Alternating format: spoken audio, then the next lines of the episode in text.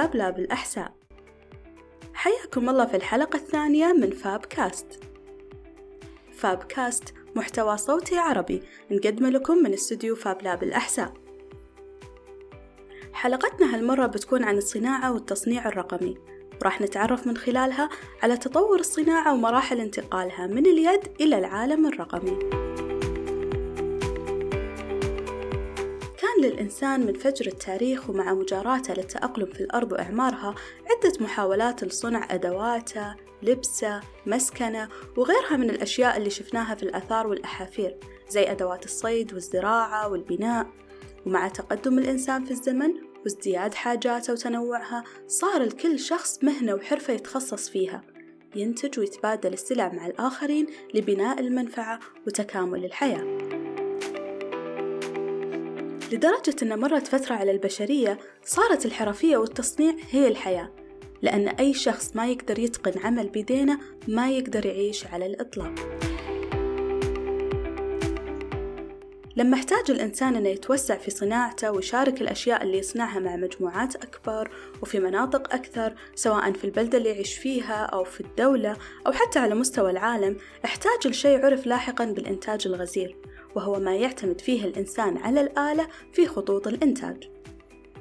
والآلة حاجة قديمة عند العرب فقد بدأ صنع الآلة عند العرب في العصر الذهبي الإسلامي وكان من آباء الصناع وأبو الصناعة والهندسة وأول مخترع للآلات ذاتية الحركة اللي تعرف اليوم بالروبوتات هو العالم الجليل بديع الزمان أبو العز الجزري اللي عاش ما بين العام 1136 و 1206 للميلاد. ومع انتقال هذه العلوم إلى أوروبا في القرون الوسطى بنى عليها العلماء الأوروبيين علومهم ومعارفهم وبدأت وقتها الثورات الصناعية. بدأت الثورة الصناعية الأولى مع ظهور الآلات البخارية اللي استخدمت في المواصلات وفي الإنتاج وهالشي كان عام 1784 للميلاد. في عام 1870 ميلادي بدأت الثورة الصناعية الثانية باكتشاف وتطور العلوم في الكهرباء. كان للثورة الصناعية الثانية أثر كبير في تطوير المواصلات والاتصالات والإنتاج وشهدت المجتمعات البشرية تطور كبير في هذه الثورة. وكانت البداية لما عرف بآلات ال Machine أو آلات التحكم الرقمي في التصنيع أما في عام 1969 مع ظهور الكمبيوتر وظهور الإنترنت بعده كانت الثورة الصناعية الثالثة. ودخل فيها الكمبيوتر في التصنيع والإنتاج والاتصالات والتعليم. في هذه الثورة بدأت رحلة آلات السي إن سي أو آلات التصنيع الرقمي بالكمبيوتر. أما الثورة الصناعية الرابعة فهي اللي نعيشها اليوم من التطور في الذكاء الصناعي وتحليل البيانات والبيانات الضخمة وتشمل معها الروبوتات وتعلم الآلة وتقنيات النانو والطباعة ثلاثية الأبعاد كلها مظاهر للثورة الصناعية الرابعة.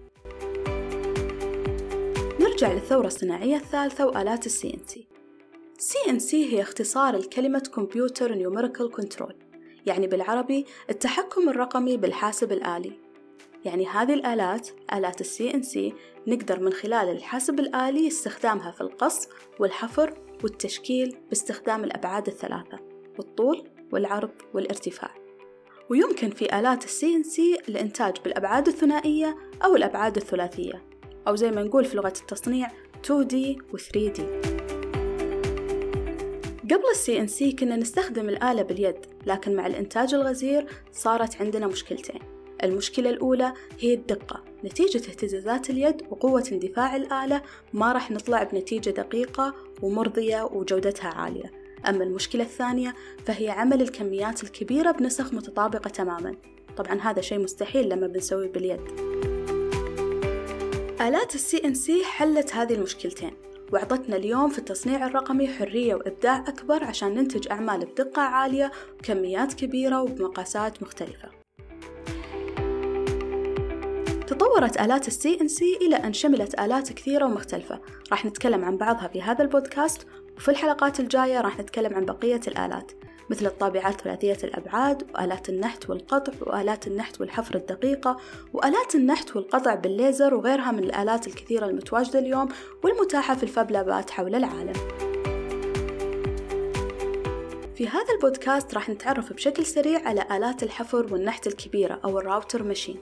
ونفس التقنية تنطبق على الميلينج ماشين أو آلات الحفر الدقيقة.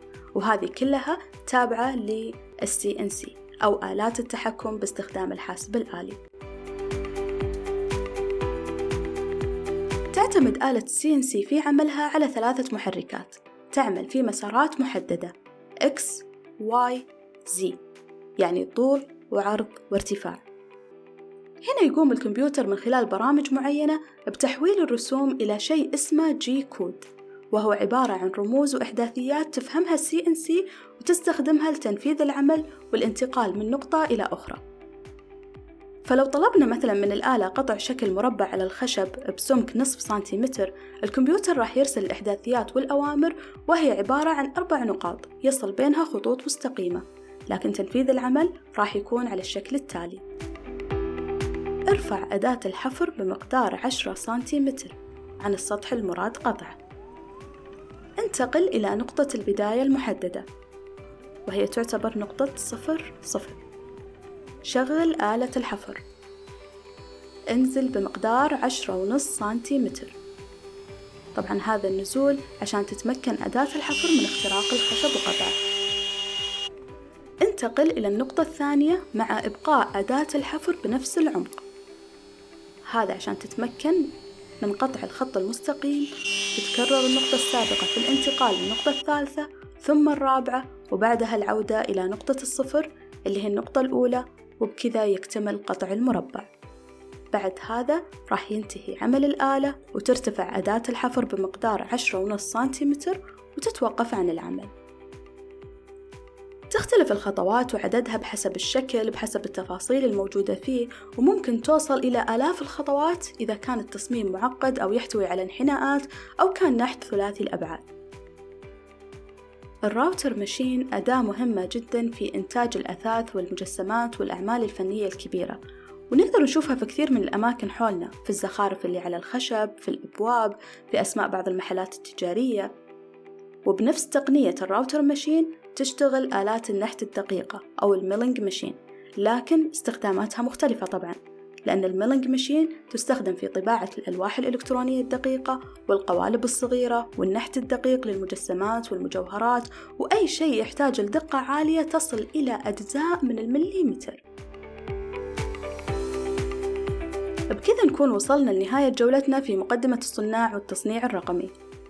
تكلمنا فيها عن بداية الثورات الصناعية وبعض آلات السي إن سي أما بقية الآلات المستخدمة في التصنيع الرقمي فراح نتكلم عنها إن شاء الله في الحلقات الجاية.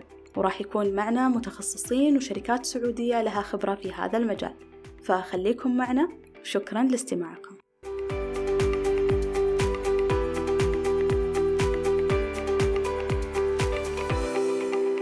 فريق عمل هذه الحلقة أحمد الحاجي ومحمود المحمد في كتابة المحتوى وفي المعالجة الصوتية محمود المحمد وزينب الباشا.